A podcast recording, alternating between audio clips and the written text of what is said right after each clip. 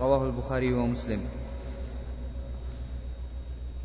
إن الحمد لله نحمده ونستعينه ونعوذ بالله من شرور أنفسنا وسيئات أعمالنا.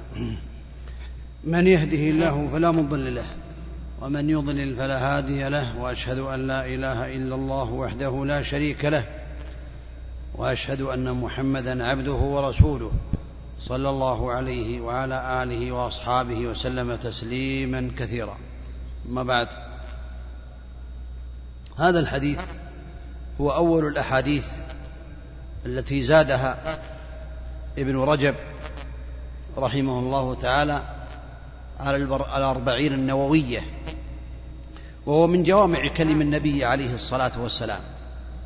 وقد ذكر بعض شراح الحديث الاستدراك على الإمام النووي رحمه الله تعالى وأنه فاته هذا الحديث. ولا شك أن معظم أحاديث النبي عليه الصلاة والسلام كلها من جوامع الكلم عليه الصلاة والسلام لأن الله عز وجل أعطاه جوامع الكلم. فهذا الحديث اشتمل على التوجيه والتعليم فيما أبقت الفرائض التي فرض الله تعالى لعباده من المواريث. والنبي عليه الصلاة والسلام قال ألحقوا الفرائض بأهلها. الفرائض قيل بأنها الأنصبة المقدرة في كتاب الله تعالى كالربع والسدس والثلث والثلثان والنصف. هذه قالوا فرائض. ومنهم من قال بأن هذا الحديث يشمل الفرائض التي فرض الله تعالى لعباده في المواريث كلها سواء كانت من العصبات أو من الفرائض المقدرة في كتاب الله تعالى.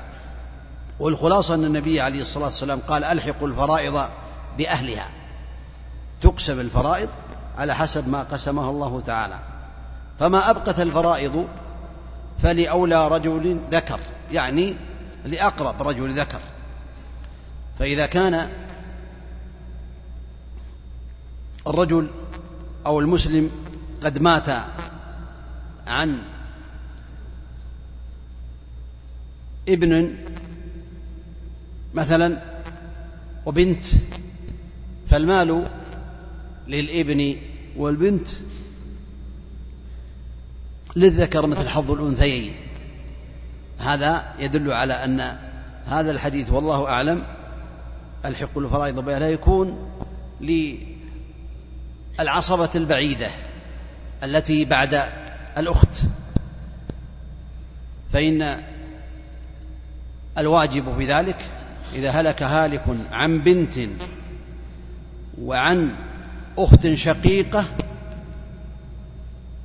وعن أخ لأب فالمال يكون للبنت النصف والأخت الشقيقة لها الباقي تعصيبا لأنها تعصب وتحجب من يحجب أخوها.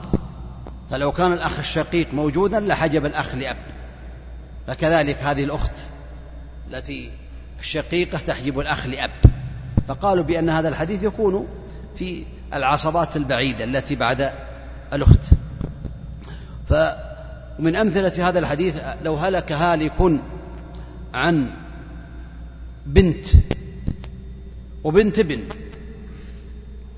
وعم شقيق وابن عم شقيق فالبنت لها النصف. وبنت الإبن لها السدس, تكملة الثلثين. والباقي يكون للعم الشقيق لأنه أولى رجل ذكر يعني أقرب رجل ذكر يكون أقرب من آه ابن الأخ الشقيق أو ابن العم الشقيق. وهكذا فالمقصود بهذا الحديث أنه يكمل الأحاديث التي جاءت في الفرائض وهو بضمه إلى الآيات التي جاءت في الفرائض والأحاديث الأخرى يكون قد يعني جمع آه، الفرائض وجمع ما قسمه الله تعالى في كتابه على عباده رحمة منه سبحانه وتعالى وإحسانا. والخلاصة أن هذا الحديث من جوامع كلم النبي عليه الصلاة والسلام والفرائض لها يعني أحكام ولها شروط ولها أركان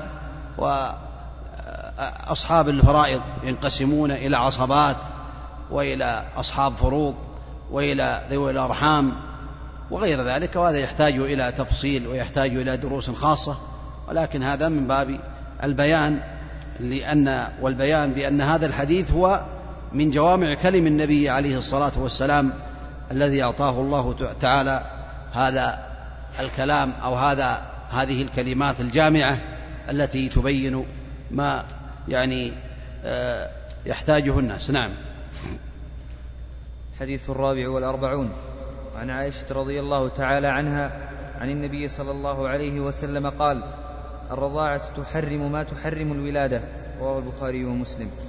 وهذا الحديث كذلك من جوامع كلم النبي عليه الصلاة والسلام أنه قد تكلم في هذه الكلمات أو بهذه الكلمات فجمعت أمورا عظيمة في أحكام المحرمات من النساء بالنسبة للرضاعة. وهذا الحديث أجمع العلماء على العمل به في الجملة وأن الرضاع يحرم ما تحرم الولادة. فبين النبي عليه الصلاة والسلام أن الرضاعة تحرم ما تحرم الولادة. ولا شك أن معرفة المحرمات من النسب تفيد معرفة المحرمات من الرضاعة. فلا يستطيع الإنسان أن يعرف المحرمات من النسب إلا بعد أن من الرضاعة إلا بعد أن يعرف المحرمات من النسب. فالمحرمات من النسب على نوعين. النوع الأول التحريم المؤبد على الانفراد. تحريم مؤبد أي إلى يوم القيامة. لا يجوز الإنسان أن يتجوز هذه المرأة يتزوج هذه المرأة إلى أن تقوم الساعة إلى يوم القيامة. هذا يقال التحريم المؤبد. وهو على قسمين. القسم الأول ما يحرم بمجرد النسب فيحرم على الرجل أصوله وإن علوا وإن علونا. الأصول وإن علونا. الأم وأمها وإن علت. وكذلك أم الأب وأمها وإن علت. إلى حواء. هذا يكون الأصول وإن علونا من الأمهات والجدات من قبل الأب ومن قبل الأم. هذا من المحرمات في من في النسب. كذلك وفروعه وإن سفلنا. الفروع سواء كانوا من أبناء من بنات بناء أبنائه أو بنات بناته. إلى يوم القيامة. بنت والبنت بنت البنت وبنت البنت وبنت البنت بنت الإبن بنت ابن الإبن وهكذا. الفروع وإن سفلنا هذا من المحرمات في الرضاعة. وفروع أصوله الأدنى وإن سفلنا فروع الأصول الأدنى يعني معنى ذلك فرع أبيه وفرع أمه. ففرع الأب الأخت والأخ. وإن سفلنا يعني وإن نزلنا. فالأخت وبنت الأخت وبنت بنت الأخت وكذلك بنت الأخ وبنت بنت الأخ وبنت بنت بنت الأخ إلى قيام الساعة. الفروع الأدنين وإن نزلنا. وهذا من المحرمات في آه، الرضاع. وكذلك فروع أصوله البعيدة دون فروعهن. يعني فروع أصولها البعيدة يعني عمه وعمته وخاله وخالته هذه يقال فروع أصوله دون فروعهن. يعني ما ينزل التحريم. فبنت العم تكون حلالا له لكن العمة لا. فروع أصوله البعيدة وهكذلك خالته تحرم عليه لكن بنت خالته لأنها فروع الأصول البعيدة. هذا من المحرمات في النسب. فمن المحرمات كذلك قسم آخر وهو ما يحرم بالنسب مع سبب آخر. هناك سبب ينضم إلى سبب النسب وهو الصهر فحينئذ يكون يحرم من ذلك حلائل آبائه يعني زوجة آبائه زوجة الأب. سواء كان هذا الأب من قبل الأب أو من قبل الجد. فلا يجوز له أن يتزوج زوجة أبيه ولا زوجة جده. وإن علوا وإن علوا. فزوجة جد جد جدة كذلك. فالأب وإن علا لا يجوز الزواج ب يعني زوجته بل تكون من المحارم. فزوجة جدك من محارم زوجة أبي جدك من المحارم كذلك محرمات. كذلك من قبل الأم زوجة الأب أبي الأم كذلك. وكذلك زوجة أبي أبي الأم كذلك. زوجة الآباء وإن علونا سواء كان كانوا من قبل الأب أو من قبل الأم يكونون أو يكون ذلك من المحرمات. في من الصهر كذلك آه، حلائل الأبناء. وإن نزلوا يعني زوجة الإبن وإن نزل الإبن. فيكون بذلك أن زوجة الإبن هي من المحارم. زوجة إبن ابنه كذلك من المحارم. زوجة إبن ابن ابنه من المحارم. وإن نزلوا هكذا. فإن هذا من المحرمات التي حرمها الله سبحانه وتعالى. وكذلك أمهات نسائه وإن علا وإن علونا أم الزوجة تكون من المحارم بمجرد العقد. وأم أم الزوجة كذلك تكون من المحرمات. وأم أم أم الزوجة كذلك من المحرمات.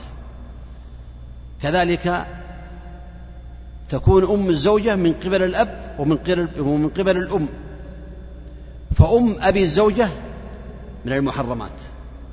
وأم أبي أبي الزوجة كذلك من المحرمات. الأمهات النساء سواء كان كن من قبل الأب أو من قبل الأم يكونون من المحرمات. وهذا يقال له التحريم بالنسب والصهر وكذلك تحريم من النسب والصهر تحريم الجمع بين المرأتين. تحريم الجمع بين الأم بين البنت وأختها وبين البنت وعمتها وخالتها. إذن هذا يحرم الجمع بينهن ثم نتوصل بهذا. ما دام عرفنا المحرمات من النسب والمحرمات من النسب مع سبب آخر وهو الصهر فإن الرضاع يحرم منه ما يحرم من النسب فإذا رضع الرجل من امرأة فإنه يكون كابنها تماما من النسب. فيكون أبوها جدة لأنه أبو أمه من الرضاعة ويكون إخوتها أخواله وأبناؤها إخوته وأخواته وهكذا. يحرم من الرضاع ما يحرم من النسب ومع وذلكم بأن الإنسان إذا رضع من المرأة في الحولين يعني قبل الفطام فإنه يكون كابنها تماما في التحريم. ولكن التحريم لا ينتشر إلى إخوته وأخواته. التحريم يختص بالمرتضع. فللراضع أن يتزوج أخوه أمه من الرضاعة. رضعت أنت من امرأة خمس رضعات في الحولين. وجاء أخوك وليس هناك سبب للتحريم لا من النسب ولا من غيره فجاء أخوك وتزوج أمك من الرضاعة. بشرط أن لا يكون هناك لا يكون رضع منها أو رضع أحد من أولادها من أمه. فإن هذا يكون يعني محرم لا لا بأس به. يقول لا بأس به. كذلك جاء أخوك وتزوج أختك من الرضاعة. فالتحريم يتعلق بالمرضى الراضع الذي رضع.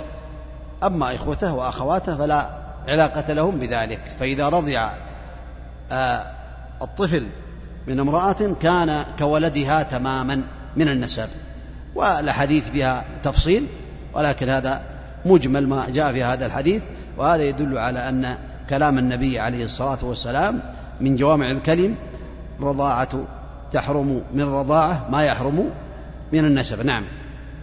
حديث الخامس والأربعون. عن جابر بن عبد الله رضي الله عنه أنه سمع رسول الله صلى الله عليه وسلم عام الفتح وهو بمكة يقول إن الله ورسوله حرم بيع الخمر والميتة والخنزير والأصنام. فقيل يا رسول الله أرأيت شحوم الميتة؟ فإنه يطلى بها السفن ويدهن بها الجلود ويستصبح بها الناس. قال لا وهو حرام. ثم قال رسول الله صلى الله عليه وسلم قاتل الله اليهود. إن الله حرم عليهم الشحوم فأجملوه ثم باعوه فأكلوا ثمنه. رواه البخاري ومسلم.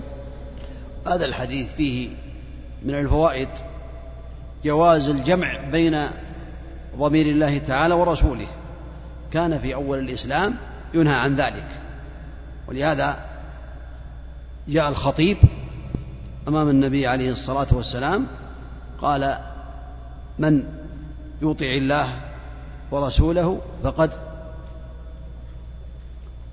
رشد. فقال النبي عليه الصلاة والسلام بئس الخطيب أنت.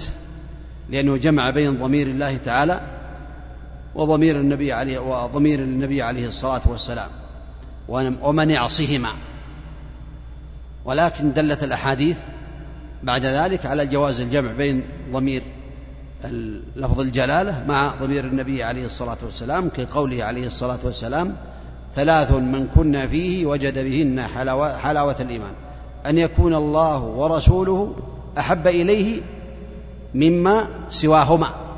فجمع في هذا الحديث الصحيح بين ضمير الله تعالى الضمير العائد للنبي عليه الصلاة والسلام مع الله تعالى وغير ذلك من الأحاديث ومنها هذا إن الله ورسوله حرم بيع الخمر. في بعض الروايات حرما فالخلاصة أنه لا بأس بالجمع بين آه، الضميرين كما بين ذلك المحققون من أهل العلم.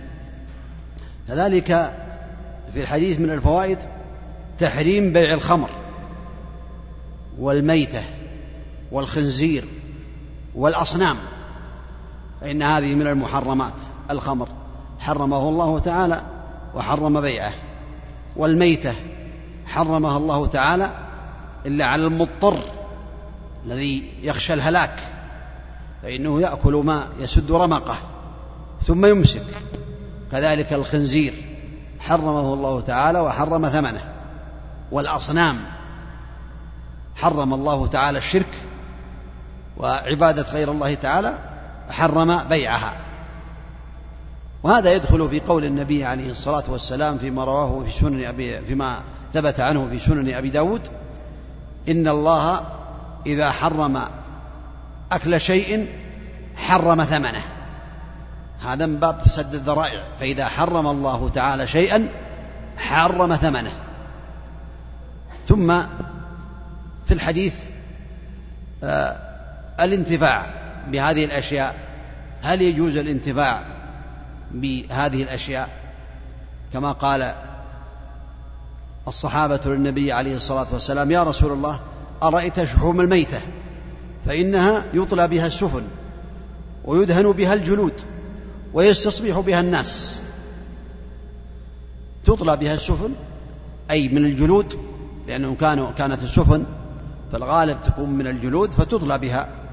كذلك تدهن بها الجلود وكذلك يستصبح بها الناس إضاءة يستضيئون بها يجعلونها وقودا للقناديل. فقال لا هو حرام. فهل هذا الضمير عائد إلى بيعها؟ أم عائد إلى بيعها وإلى الانتفاع بها؟ اختلف العلماء رحمهم الله تعالى في هذا فمنهم من قال بأن هذا يعود إلى البيع فقط. أما الانتفاع فله أن ينتفع بهذه الأشياء في طلاء السفن وفي كذلك الجلد الجلد في يدهنون الجلود بها والاستصباح بها. ومنهم من قال يعود إلى الجميع إلى الانتفاع وإلى البيع. والأقرب والله أعلم وهو الذي يرجحه شيخنا ابن باز رحمة الله تعالى عليه أن الضمير يعود إلى الجميع يعود إلى الانتفاع بالميتة ويعود كذلك إلى البيع لأن هذا من باب سد الذرائع لأن لو قلنا لا بأس أن آه، يعني يستخدم شحوم الميتة في دهن الجلود وفي غيره من المنافع والاستصباح لا جر ذلك إلى بيعها حتى ينتفع بها. إذن فيكون من باب سد الذرائع وسدا لباب الشر أن الضمير يعود إلى الجميع فلا يجوز الانتفاع لا بدهون الشحوم ولا ببيعها فيكون الأمر والنهي عام. ثم قال النبي عليه الصلاة والسلام قاتل الله اليهود. دعاء منه عليه الصلاة والسلام اليهود. إن الله حرم عليهم شحوم الشحوم فأجملوه. يعني حرم عليهم شحوم الميتة فأذابوه. قالوا ما دام أنه محرم علينا نذيبه نجعله سمنا ثم باعوه. ثم أكلوا ثمنه. حيل حيل اليهود يحتالون على الله تعالى بشتى الحيل. هذا فيه التحذير من التشبه باليهود والحيل في أكل المحرمات بطرق أخرى فهم جملوه أي أذابوا هذا الشحم. ثم بعد ذلك حينما أذابوه انتقلوا إلى درجة أخرى باعوه. ثم بعد البيع أكلوا ثمنه. نفس القضية. سواء أكلوا الشحم أو أكلوا ثمنه. وإن هذا من باب الحيل التي حرمها الله تعالى على عباده وقد احتال اليهود على هذا واليهود يحتالون حيل باطلة وغير ذلك من الحيل التي حرم الله سبحانه وتعالى سواء كان ذلك في أكل الميتة أو أكل شحومها أو كان ذلك في الربا أو كان في غيره فإن كثيرا من الناس يحتالون يحولون الحيل مثال ذلك بيع العينة. هذا من الحيل كأني أشتري بضاعة ثم بعد أن يشتريها ويسجلها البائع عليه دينا إلى أجل معلوم يقول تشتريها مني؟ ثم يبيعها عليه بأقل ويقبض ثمنها. ما الفرق بين أن يبيع عليه أن يعطيه مئة ألف مثلا بزيادة خمسة ألاف وعشر ألاف أو أن يعطيه سيارة مثلا آه، بمئة ألف ثم بعد ذلك يشتريها منه بستين أو سبعين. حيل باب الحيل حتى لا يقول بأني وقعت في الربا. كذلك ما تقع فيه البنوك الآن من الربا. يحتالون شتى الحيل. بعضهم يقولون نقرض قرض يعني نبيع عليك. هذا يقال له التورق المبارك تورق مبارك. ويحتالون ويدلسون على الناس ويأكلون أموال الناس بالباطل. فالمسلم عليه أن يتقي الله تعالى التورق لا بأس به. التورق وهو أن يشتري سلعة ثم لا يبيعها على صاحبها ينتقل بها إلى مكان آخر وليس هناك تواطؤ بينه وبين المشتري الثاني ثم يبيعها بما أراد من المال الذي يحتاجه. لا بأس أن يشتري سلعة بدين ثم يبيعها على غير البائع بدون تواطؤ بينه وبين البائع أو حيل بما شاء من المال وينتفع بهذا المال وإن كان المسألة خلافية لكن هذا هو الأقرب والصواب أنه لا بأس بالتورق على وجهه المشروع الذي ذكره العلماء. أما كون الإنسان يدلس يقول أبيعك حديد وين الحديد؟ تعطيني حديد؟ ما, ما, ما في شيء. فالخلاصة أن الإنسان عليه أن يتقي الله تعالى وينتبه لهذه الأمور. نعم. الحديث السادس والأربعون. عن أبي بردة عن أبيه أبي موسى الأشعري رضي الله تعالى عنه أن النبي صلى الله عليه وسلم بعثه إلى اليمن فسأله عن أشربة تصنع بها فقال وما هي؟ قال البتع والمزر. فقيل لأبي بردة وما البتع؟ قال نبيذ العسل والمزر نبيذ الشعير. فقال كل مسكر حرام. رواه البخاري. هذا الحديث من جوامع كلم النبي عليه الصلاة والسلام في قوله كل مسكر حرام. سواء كان هذا المسكر عن طريق الفم أو كان هذا المسكر عن طريق الأنف أو كان هذا المسكر بالشرب أو كان بالأكل أو كان بالشم أو كان باللمس كل مسكر حرام. هذا من جوامع كلم النبي صلوات الله وسلامه عليه. وقد فسر النبي عليه الصلاة والسلام البتع وهو نبيذ العسل والمزر وهو نبيذ الشعير والحديث أصل في تحريم تناول جميع المسكرات آه التي تغطي العقل. قد جاء في الحديث الآخر ما أسكر قليله فكثيره حرام. لو أسكر منه شيئا قليلا يعني شيئا كثيرا أسكر منه عشرة كيلو أو أسكر منه كيلو. فإن القرام يكون حراما. ما أسكر كثيره فقليله حرام. وهذا من جوامع كلمة النبي صلوات الله وسلامه عليه. وأنه نهى عن كل مسكر سواء كان ذلك في الصلاة يسكر عن الصلاة أو عن غيرها. الخلاصة أن هذا من جوامع كلم النبي عليه الصلاة والسلام وأن ما أسكر قليله كثيره فقليله حرام. وكذلك أن كل مسكر حرام قاعدة. كل مسكر حرام سواء كان عن طريق الأكل أو الشرب أو الشم أو اللمس. نعم.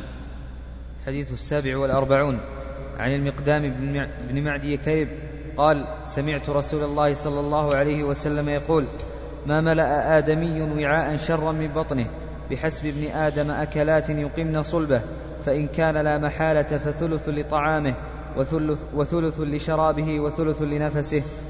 رواه أحمد والترمذي وابن ماجه. هذا الحديث عظيم الحديث العظيم فيه فوائد عظيمة.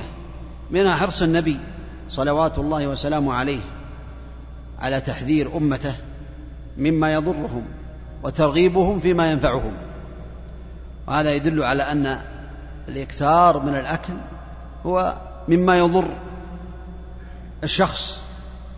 ولهذا من باب الفوائد سمعت شيخنا قبل سنين رحمه الله تعالى سئل عن بعض هذه المسائل فقال اجتمع ستمائة طبيب في بعض البلدان. ذكره لكني لا أحفظ هذا البلد ونسيته. وأجمعوا كلهم على أن أكثر الأمراض في العالم كثرة تنوع الطعام الأطعمة والأشربة. أجمع ستمائة طبيب على أن أكثر الأمراض في العالم هو يعني تنوع الطعام والشراب والإكثار من الطعام والشراب. لا شك أن الطعام والشراب نعمة من نعم الله تعالى على عباده ولكن كون الإنسان يكثر منها على خلاف المشروع فهذا يضره. فلا شك أن هذا الحديث بين فيه النبي عليه الصلاة والسلام المشروع وأنه ينبغي للعبد ألا يكثر الإكثار الذي يصل إلى التبذير والإسراف. وهذا الحديث أصل جامع لأصول الطب كلها. ولو استعمل لو استعمل الناس هذا هذه الكلمات وعمل بها الناس لا أغلقت كثير من المستشفيات والصيدليات لو اقتصروا.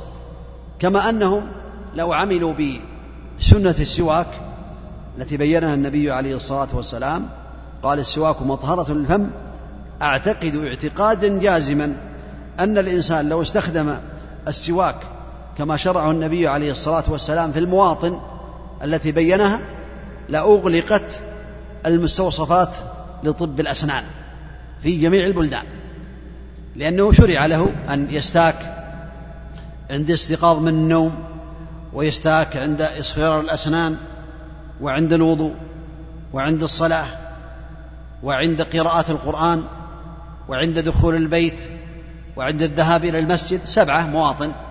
فلو كان الإنسان يستاك استياكا شرعيا في هذا لأنه يرضي الرب لحصل على الخير. هذا من باب المثال من باب ضرب الأمثلة. وإلا في الحديث هذا لا يدخل في هذا. ولكن لو عمل الناس بهذا الحديث لا يعني سلموا وعوفوا من جميع الأمراض التي أصيبوا بها.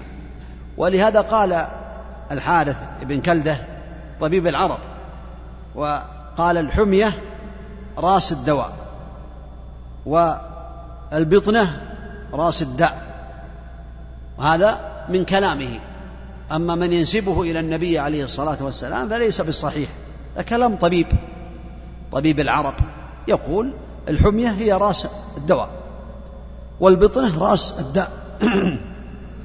لا شك أن هذا قواعد من قواعد الطب كما يذكر آه يعني أهل الطب. كذلك آه قال الحارث أيضا الذي قتل البرية وأهل السباع قال والسباع في البرية إدخال الطعام على الطعام قبل الانهضام قتل البرية. وقال قتل السباع في البرية. هكذا يقول يذكر عنه. كذلك من الفوائد أن قلة الغذاء الغذاء توجب رقة القلب. فإن الإنسان إذا يعني أقل غذاءه وأكثر من الصيام المشروع. يرق قلبه. فإن رقة القلب تحصل للجائع أكثر مما تحصل لغيره. هذا لا يدل على أن الإنسان يترك ما حرم الله. قل من حرم الله؟ قل من حرم زينة الله التي أخرج لعباده والطيبات من الرزق. ولكن الإنسان لا يكثر. يأكل وإنما يعني يقتصد كما قال النبي عليه الصلاة والسلام فإذا كان ولا بد فثلث لطعامه وثلث لشرابه وثلث لنفسه. هكذا حتى يستطيع الإنسان أن يقوم بما أوجب الله تعالى عليه من هذه الأمور. والالتزام في الاعتدال هو المطلوب في الطعام والشراب فإن كان لا محالة فبما تقدم. وأخبر النبي صلى الله عليه وسلم أن ابن آدم ما ملأ وعاء شر من بطن. هذا يدل على أن البطن وعاء. فإذا ملأه الإنسان وزاد عن الحد المشروع إنه بهذا يضره. ولا يقال بأن هذا محرم. النبي عليه الصلاة والسلام يعني ما نهى أن يأكل الإنسان حتى يشبع. لا وإنما هذا من باب الآداب والله أعلم. باب التوجيه إلى الأفضل. وإلى الخير وإلا فقد أكل الصحابة في بعض الأحيان شبعوا. أما النبي عليه الصلاة والسلام فهو غيرهم لم يشبع من, من خبز الشعير حتى توفاه الله عليه الصلاة والسلام. صلوات الله وسلامه عليه. وكان يمضي عليه اليوم واليومان بل الشهر والشهران لا يوقد في بيته نار. قيل لعائشة ما كان طعامكم؟ قالت الأسودان التمر والماء. فالخلاصة أن يعني هذا ليس بمحرم الإنسان يأكل حتى يشبع لا بأس. لكن من باب الآداب من باب الأفضل من باب الحمية أن يلتزم بالآداب الطيبة ولا يكون شرها أن المؤمن يأكل في معي واحد كما قال النبي عليه الصلاة والسلام والكافر يأكل في سبعة أمعاء. فهذا من باب التوجيه ومن باب يعني آه الآداب التي ينبغي المسلم أن يلتزم بها ومن باب الآداب التي بينها النبي عليه الصلاة والسلام لأمته والحديث فيه فوائد أخرى لكن هذا ما ما تيسر والله أعلم. نعم. الحديث الثامن والأربعون. وعن عبد الله بن عامر رضي الله تعالى عنهما عن النبي صلى الله عليه وسلم قال أربع من كن فيه كان منافقا وإن كانت خصلة منهن فيه كانت فيه خصلة من النفاق حتى يدعها. من إذا حدث كذب وإذا وعد أخلف وإذا خاصم فجر وإذا عاهد غدر رواه البخاري ومسلم. هذا من علامات النفاق. وفي بعض الروايات أربع من كن فيه كان منافقا خالصا. ومن كان في خصلة منهن كان فيه خصلة من النفاق حتى يدعها. ثم بين النبي عليه الصلاة والسلام هذه الخصال فقال بينها عليه الصلاة والسلام فبينها بالعد. فقال فيها إذا حدث كذب. وإذا وعد أخلف وإذا خاصم فجر وإذا عهد غدر. في حديث أبي هريرة ثلاث من كنا فيه كان فيه علامة من النفاق أو كما قال عليه الصلاة والسلام في زيادة على هذه الأربع وإذ أؤتمن خان فتكون علامات النفاق علامات النفاق العملي. علامات النفاق الأصغر خمس. إذا حدث كذب وإذا وعد أخلف وإذا خاصم فجر وإذا عهد غدر وإذا اؤتمن خان. هذه علامات النفاق الأصغر لأن النفاق على نوعين.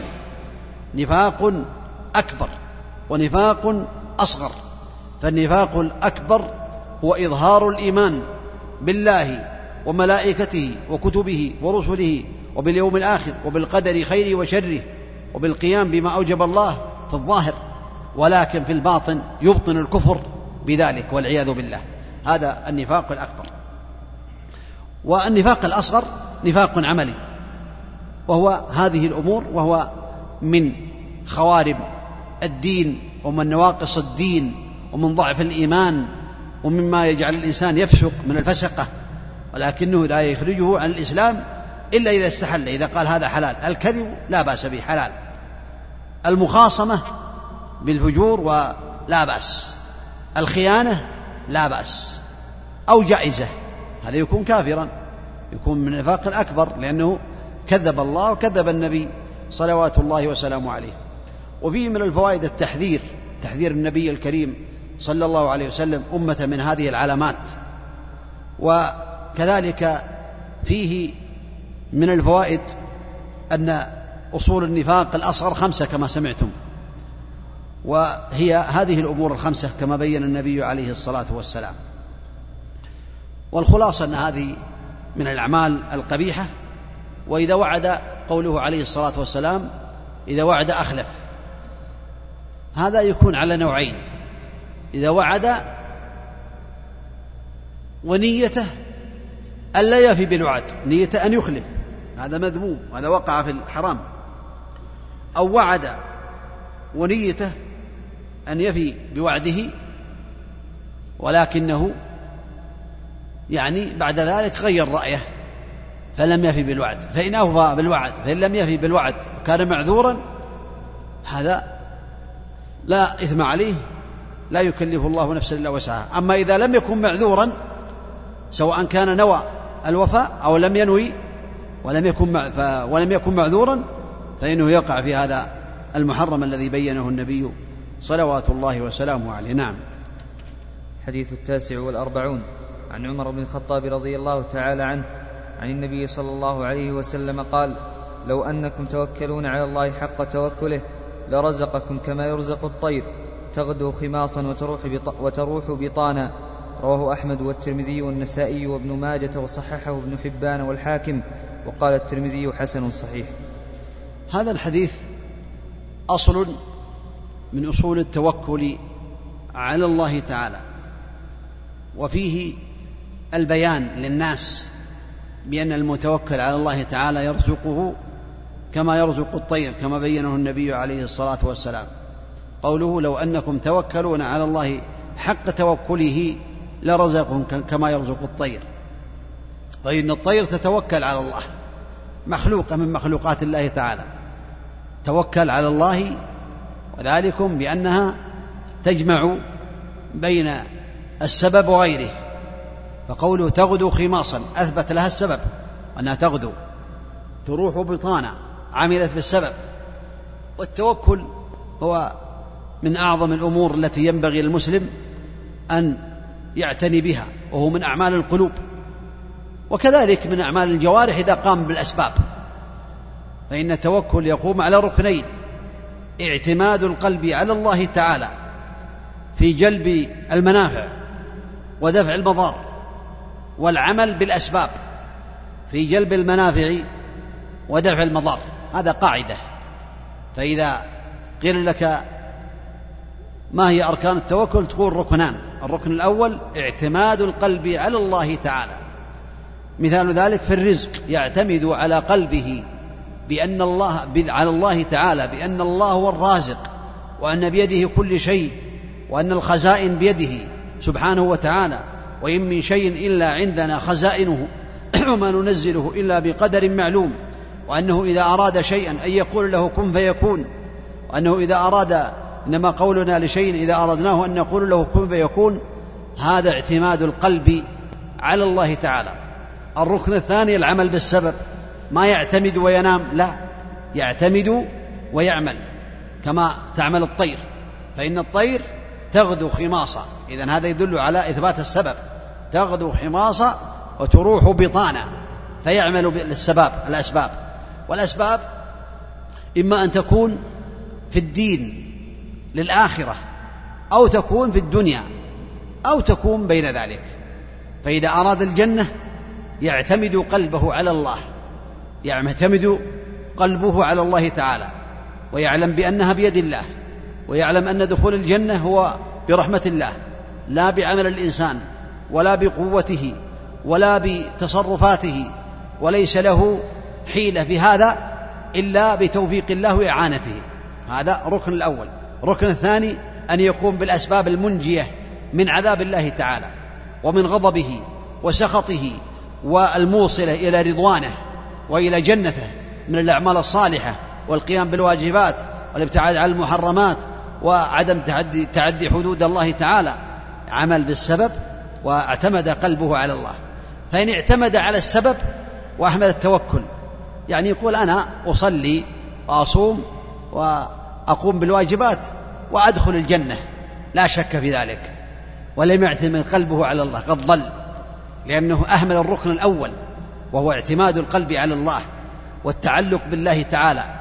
كذلك قد يكون في الرزق طلب الرزق في الدنيا وينوي به الحلال. فكونه يعتمد قلبه على الله وأن الله الرازق وقد قال سبحانه وتعالى ما خلق وما خلقت الجن والإنس إلا ليعبدون ما أريد منهم من رزق وما أريد أن يطعمون إن الله هو الرزاق ذو القوة المتين. يعتمد قلبه على الله وأن الأمور بيد الله وأن الرزق بيد الله سبحانه وتعالى وأنه الرازق ومع ذلك يعمل بالسبب يعمل بالأسباب الموصلة إلى هذا الرزق من الكسب الطيب والابتعاد عن المحرم والعمل الذي ينفعه حتى يستفيد. وهذا من باب يعني التوكل على الله تعالى العمل بالأسباب. ولهذا قال الله تعالى ومن يتق الله يجعل له مخرجا ويرزقه من حيث لا يحتسب. كما أن التقوى من أسباب دخول الجنة فهي كذلك من أبواب الرزق ومن أسباب الرزق ومن أسباب التوفيق. ولهذا قال النبي عليه الصلاة والسلام من أحب أن يبسط له في رزقه ويؤسى له في أثره فليصل رحمه. ولهذا التوكل يعني جاء في القرآن الكريم في آيات كثيرة وعلى الله فتوكلوا إن كنتم مؤمنين. وجاء في الأحاديث الكثيرة منها هذا الحديث لو أنكم توكلون على الله حق توكله لرزقكم ويرزق الطير. منها قول عليه الصلاة والسلام لرجل قال يا رسول الله أعقل وأتوكل أو أترك ذلك. فقال النبي عليه الصلاة والسلام اعقل وتوكل. يعني عليك أن تعقل الناقة وتتوكل. كان عنده ناقة لا يدري هل يطلقها ويتوكل على الله ثم يبحث عنها بعد ذلك أو يعقلها ويربطها يربط اليد وهي باركة قال اعقل وتوكل. فالمقصود العمل بالأسباب مطلوب. كذلك العمل بالأسباب كأن يقول الإنسان أنا أعتقد بأن الله على كل شيء قدير. أشهد أن الله إذا أراد شيئا فإنما يقول له كن فيكون. وأنه بيده كل شيء. لا يعجزه شيء في الأرض ولا في السماء. أنا أحب الذرية أحب أولادا صالحين وذرية صالحة تكثير الأمة. فأنا لا أتزوج. سبحان الله هذا فيه نقص. يعني قد يقال فيه نقص. أتزوج والله على كل شيء قدير. الله قادر على أن يعطيني أولادا بدون زوجة. صحيح والله أن الله قادر لكن جعل الله الأسباب التي لا بد منها بينها للناس. الله قادر على أن يقول كن للشيء فيكون لكن عليك أن تعمل بالسبب وتتزوج وتطلب الولد وغير ذلك. كذلك يعني البرد والحر يتوكل على الله اعتماد قلبه على الله وأنه لا ينفعه إلا ما نفعه الله به ومع ذلك يلبس الثياب ويلبس الوسائل التي تعينه على التدفي والوسائل التي تمنعه من البرد هكذا. فالخلاصة الكلام الجامع أن التوكل يقوم على ركنين اعتماد القلب على الله تعالى وكذلك العمل بالأسباب الموصلة إلى النجاة والعمل بالأسباب الموصلة إلى الرزق. والحديث فيه فوائد أخرى غير هذا. نعم. حديث الخمسون. عن عبد الله بن بسر رضي الله تعالى عنه قال أتى النبي صلى الله عليه وسلم رجل فقال يا رسول الله إن شرائع الإسلام قد كثرت علينا فباب نتمسك به جامع. قال لا يزال لسانك رطبا من ذكر الله عز وجل. رواه أحمد. هذا الحديث كلمة واحدة لكنها تنفع الإنسان في الدنيا والآخرة. فقوله عليه الصلاة والسلام لا يزال لسانك رطبا من ذكر الله. لا يزال لسانك رطبا من ذكر الله تعالى. هذا الحديث جامع. فيه من الفوائد الشيء الكثير. منها اولا حرص النبي عليه الصلاة والسلام بل حرص الصحابة على تعلم الخير فإنه يسأل عن شيء ينفعه وأن شرائع الإسلام قد كثرت عليه. يعني أقصد الشرائع يعني والله أعلم النوافل. أما الشرائع الفرائض هذا لا بد منها. لكن يقول أعمال الخير كثرت. فأخبرني بشيء أتشبث به من أعمال الخير ومن أعمال النوافل. حتى يرفع الله درجاتي حتى يعينني على خير الخير وأحصل على الدرجات العلى. هذا يدل على حرص الصحابة رضي الله عنهم على الخير. فقال النبي عليه الصلاة والسلام لا يزال لسانك رطبا من ذكر الله. وفيه من الفوائد نصيحة النبي صلوات الله وسلامه عليه وأنه دل أمته على ما ينفعهم. فما خير فلا خير إلا دل أمته عليه ولا شر إلا حذرها عنه عليه الصلاة والسلام. وفيه من الفوائد فضل ذكر الله تعالى وأن الإنسان إذا ذكر الله تعالى بلسانه فإنه يستفيد الفوائد العظيمة. منها اولا أن الله عز وجل يذكره عنده كما جاء في الأحاديث اذكروني أذكركم. ومنها كذلك أن قلبه يصقل ويكون سليما بذكر الله تعالى. ومنها رفعة الدرجات عند الله تعالى. ومنها محبة الله تعالى للذاكر فإنه سبحانه وتعالى يحب الذاكرين. ومنها التوفيق للأعمال الصالحة. والذكر قد أمر الله به تعالى في كتابه أمر به النبي عليه الصلاة والسلام.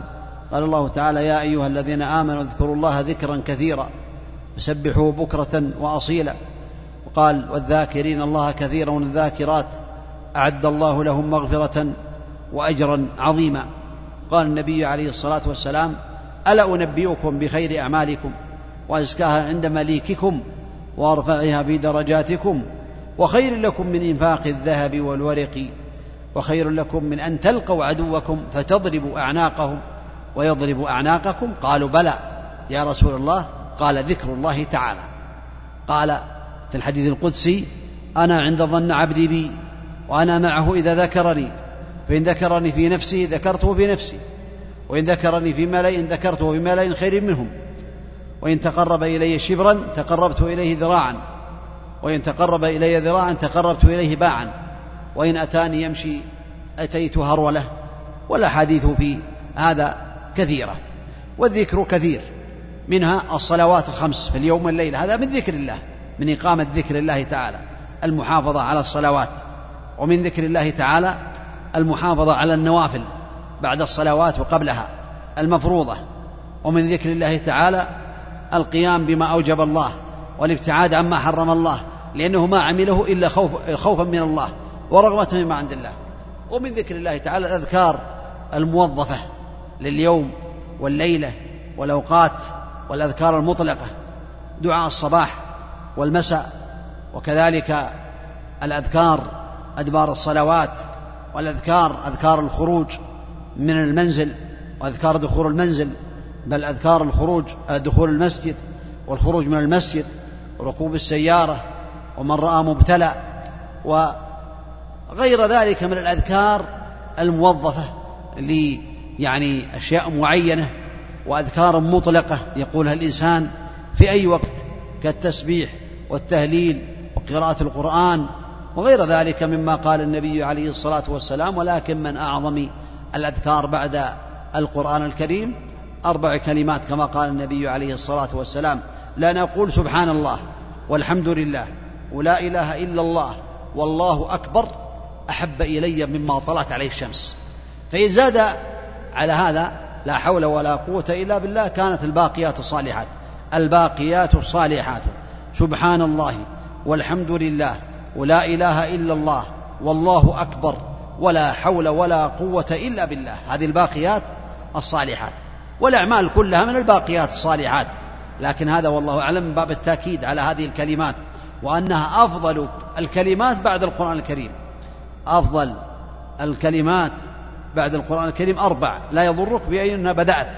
سبحان الله والحمد لله ولا إله إلا الله والله أكبر.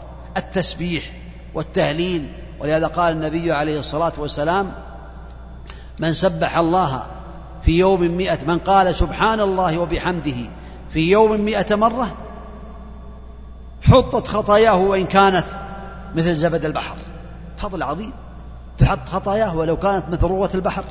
إذا قال سبحان الله قال أيعجز أحدكم أن يكسب كل يوم ألف حسنة؟ قالوا وكيف يكسب أحدنا ألف حسنة؟ قال يسبح الله مئة تسبيحة أو يكتب له ألف حسنة أو يحط عنه ألف سيئة. ألف. مئة تسبيح. ما فيها سبحان الله والحمد لله. لا. سبحان الله سبحان الله سبحان الله سبحان الله سبحان الله سبحان الله سبحان الله سبحان الله سبحان الله سبحان الله. يعد مئة ولا تستغرق دقيقة. يكتب الله له ألف حسنة أو يحط عنه ألف سيئة. والحديث رواه مسلم. هذا من فضائل الذكر. هذا يدل على فضل هذا الذكر العظيم. والقرآن أفضل الأذكار. هو أفضل الأذكار لأنه كلام الله تعالى. كذلك لو قال بعد الصلوات حافظ على أذكار الصلوات منها أن النبي عليه الصلاة والسلام قال من سبح الله دبر كل صلاة ثلاثا وثلاثين وحمد الله ثلاثا وثلاثين كبر الله ثلاثا وثلاثين تلك تسعة وتسعون وقام قال تمام المئة لا إله إلا الله وحده لا شريك له له الملك وله الحمد وهو على كل شيء قدير. لحطت خطاياه وإن كانت مثل زبد البحر. هذا رواه مسلم هذا يدل على فضلها. من قرأ آية الكرسي بعد دبر كل صلاة فقد جاءت الأحاديث بأنه ما يكون بينه وبين الجنة إلا أن يموت. هذا من فضل الله تعالى. كذلك قراءة المعوذتين وسورة الإخلاص. إذا أصبح وإذا أمسى. ولهذا قال لعقبة قال قل قال ما أقول قال قل قال ما أقول قال قل هو الله أحد والمعوذتين.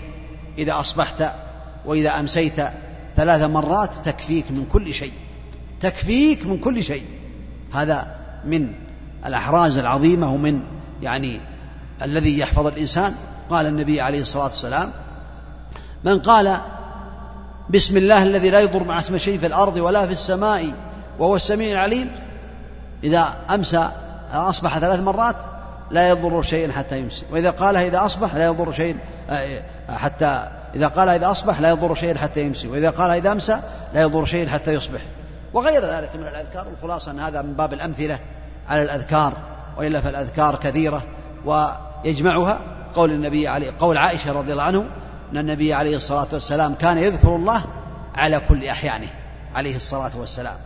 والله تعالى قد بين ومدح الذاكرين الله كثيرا والذاكرات ومدح الذين يذكرون الله قياما وقعودا وعلى جنوبهم ويتفكرون في خلق السماوات والأرض والذكر له فضائل عظيمة لا يتسع المقام لذكرها ولكن على الإنسان أن يعتني بهذه الأذكار وخاصة الأذكار الموظفة التي لها أوقات معينة كما سمعتم وكاذكار استيقاظ من النوم وأذكار النوم وأذكار آه، يعني المطلقة كذلك التي ليس لها حد محدد يعني في أي وقت كما سمعتم يذكر الله تعالى في أي وقت. هذا يدل على أن الذاكر لله تعالى يكون من الفائزين ويكون من الرابحين والذكر هو ذكر الله تعالى. والأفضل أن يكون الذكر بالقلب واللسان والجوارح. فإذا كان قال لا إله إلا الله بقلبه يعتقد بقلبه أن الله تعالى لا معبود بحق إلا هو ويقول ذلك بلسانه هذا قد حصل على هذا الثواب العظيم. وهذه كلمة عظيمة. قد قال النبي عليه الصلاة والسلام فيها من قال لا إله إلا الله من كان آخر كلامه لا إله إلا الله دخل الجنة. ومن قالها في اليوم عشر مرات كان كمن أعتق أربعة أنفس من ولد إسماعيل. ومن قالها مئة مرة كان له خمسة أشياء. من قال لا إله إلا الله وحده لا شريك له له الملك وله الحمد وهو على كل شيء قدير. في يوم مئة مرة كان كمن أعتق أربعة أنف يعني كانت له عدل عشر رقاب. يعني كأنه أعتق عشر رقاب. واعتاق رقبة واحدة ينجيه ويزحزح من النار. كانت له عدل عشر رقاب. وكتب له مئة حسنة. وموحي عنه مئة سيئة. وكانت حرزا له من الشيطان حتى يمسي. ولم يأتي أحد أفضل مما جاء به يوم القيامة إلا رجل عمل مثل أوزاد أو كما قال النبي عليه الصلاة والسلام. والخلاصة أن الكلام في الأذكار طويل ولكن المؤمن الذي يحب الله تعالى ويحب النبي عليه الصلاة والسلام يعتني بهذه الأمور ويقرأها بأصولها ويستفيد من الكتب المؤلفة في ذلك والمبينة للأذكار في اليوم والليلة والأذكار المطلقة. وأسأل الله الذي لا إله إلا هو بأسماء الحسنى وصفات العلى أن يجعل ما سمعناه وما تلي في هذا المقام وما قرئ حجة لنا لا حجة علينا وأن يجعله من أعمالنا الصالحة الذي تقربنا إلى الله تعالى وإلى جنته وأن يوفقنا وإياكم للإخلاص في القول والعمل. وبهذا تمت الخمسون الرجبية أو الأربعون النووية مع زيادات ابن رجب رحمه الله تعالى. وأسأل الله لي ولكم العلم النافع والتوفيق لما يحبه ويرضاه. صلى الله وسلم وبارك على نبينا محمد وعلى آله وأصحابه أجمعين. أما بقية الكلام فيكون مع الأسئلة إن كان هناك أسئلة وبالله التوفيق. حسن الله إليك شيخ. هذه بعض الأسئلة الواردة عن طريق الإنترنت. نعم. السائل أبو عمر من مصر يقول فضيلة الشيخ نشهد الله أننا نحبكم فيه. وبعد ما حكم من يخرج من الصلاة لأمر هين يمكن أن يؤجل لما بعدها؟ هذا أولا أحبك الله الذي أحببتنا من أجله. والحب في الله تعالى من أوثق عرى الإيمان. هو عبادة لله تعالى. ليس من أجل الشخص ولا من أجل مكانته ولا من أجل آه، حاله. ولكن المسلم يحب المسلم لله. ولهذا بين النبي عليه الصلاة والسلام بقوله في ما يروي عن ربه المتحابون في جلاله على منابر من نور. يوم القيامة يغبطهم الأنبياء والشهداء أو كما قال النبي عليه الصلاة والسلام. والحب في الله تعالى من أوثق عرى الإيمان. والبغض في الله تعالى كذلك. ولهذا جاء في سنن أبي داود النبي عليه الصلاة والسلام قال في الحديث الصحيح من أعطى لله ومنع لله وأحب لله وأبغض لله فقد استكمل الإيمان أما سؤالك وأنك تقول هل يجوز الخروج من الصلاة بغير عذر؟ فإذا كانت صلاة الفريضة فلا يجوز يحرم عليه ويأثم عند الله تعالى. إلا لعذر يعني يجيز له ذلك. كان يخشى أن يقفز طفلا أو طفل في بير أو في خزان أو حريق أو غير ذلك هذا عذر. والحمد لله إن استطاع أن يقوم بهذا أثناء الصلاة بحيث لا ينحرف عن القبلة فلا بأس. وإن كان ولا بد أنصرف عن الصلاة وصلاها مرة أخرى. أما يخرج على هواه من أجل هواه من الصلاة لا. إذا كانت نافلة. أما إذا كانت نافلة وقطعها فلا بأس. لكن خلاف الأفضل وخلاف الأولى وخلاف يعني الأدب أنه إذا كبر ووقف أمام الله تعالى ثم قطع الصلاة هذا خلاف الأولى وخلاف الأفضل إذا كانت من النوافل. أما الفرائض فلا يجوز إلا لضرورة لا بد منها. نعم. هذه السائلة طالبة علم من سوريا تقول هل خروج الدم من جسم الإنسان يعني الجرح يفسد الوضوء؟ اختلف العلماء في ذلك. منهم من قال بأن خروج الدم يفسد الوضوء من نواقض الوضوء ومنهم من قال لا ليس من نواقض الوضوء. والأحوط للمسلم إذا خرج منه دم كثير فإنه يتوضأ ولهذا من نواقض الوضوء خروج الفاحش الكثير يعني النجس من الجسد والدم ليس يعني فيه أدلة واضحة إلا أن النبي عليه الصلاة والسلام بين بقوله أن المرأة تحك الدم تفركه يعني دم الحيض وتقرصه وتغسله. فمنهم من قال هذا يدل على أن الدم يعني من نواقض الوضوء إذا خرج من الجسد وأنه نجس على هذه الحالة. والخلاصة أن الدم إذا كان مع الدبر أو مع الفرج فإنه من نواقض الوضوء لأنه من خارج من السبيلين. أما إذا كان من الجسد فالأولى والأحوط للمؤمن دع ما يريبك إلى ما يريبك وابتعاد عن الشبهات أن يتوضأ إذا كان كثيرا. أما إذا كان قليل نقطة أو نقطتان أو ثلاث أو غير ذلك فالأمر سهل إن شاء الله. نعم. هذا السائل يقول والدتي تصلي الضحى قبل صلاة الظهر بنصف ساعة تقريبا. وأحيانا ربع ساعة وقل لها أن هذا وقت نهي. لكن لا تلتفت إلى هذا. الخلاصة أن صلاة الضحى تنتهي قبل الزوال. قبل زوال الشمس بحيث إذا كانت الشمس في كبد السماء في, وسط السماء قبل أن تميل إلى الغروب فإن هذا الوقت منهي عنه. نهى النبي عليه الصلاة والسلام عن ذلك. أما إذا كان قبل الزوال فإنه لا بأس أن تصلي صلاة الضحى. ذكر العلماء أنهم شيخنا رحمه الله أن آه، يعني وقت الزوال وقت قليل. إما يقارب عشرين دقيقة أو آه، ما يقاربها أو عشر دقائق. الخلاصة أن الإنسان إذا صلى قبل صلاة الظهر أو قبل وقت صلاة الظهر بوقت يعني نصف ساعة أو ساعة لا بأس لكن الأفضل أن يبادر وأن يصلي قبل ذلك حتى يسلم من الوقوع في المنهي عنه. دع ما يريبك إلى ما يريبك. فيصلي إذا اشتدت الشمس أو يصلي بعد ارتفاع الشمس إلى الزوال إلى أن تدخل الشمس في الزوال. هذا وقت صلاة الظهر وهي أو وقت صلاة الضحى وهي صلاة الأوابين.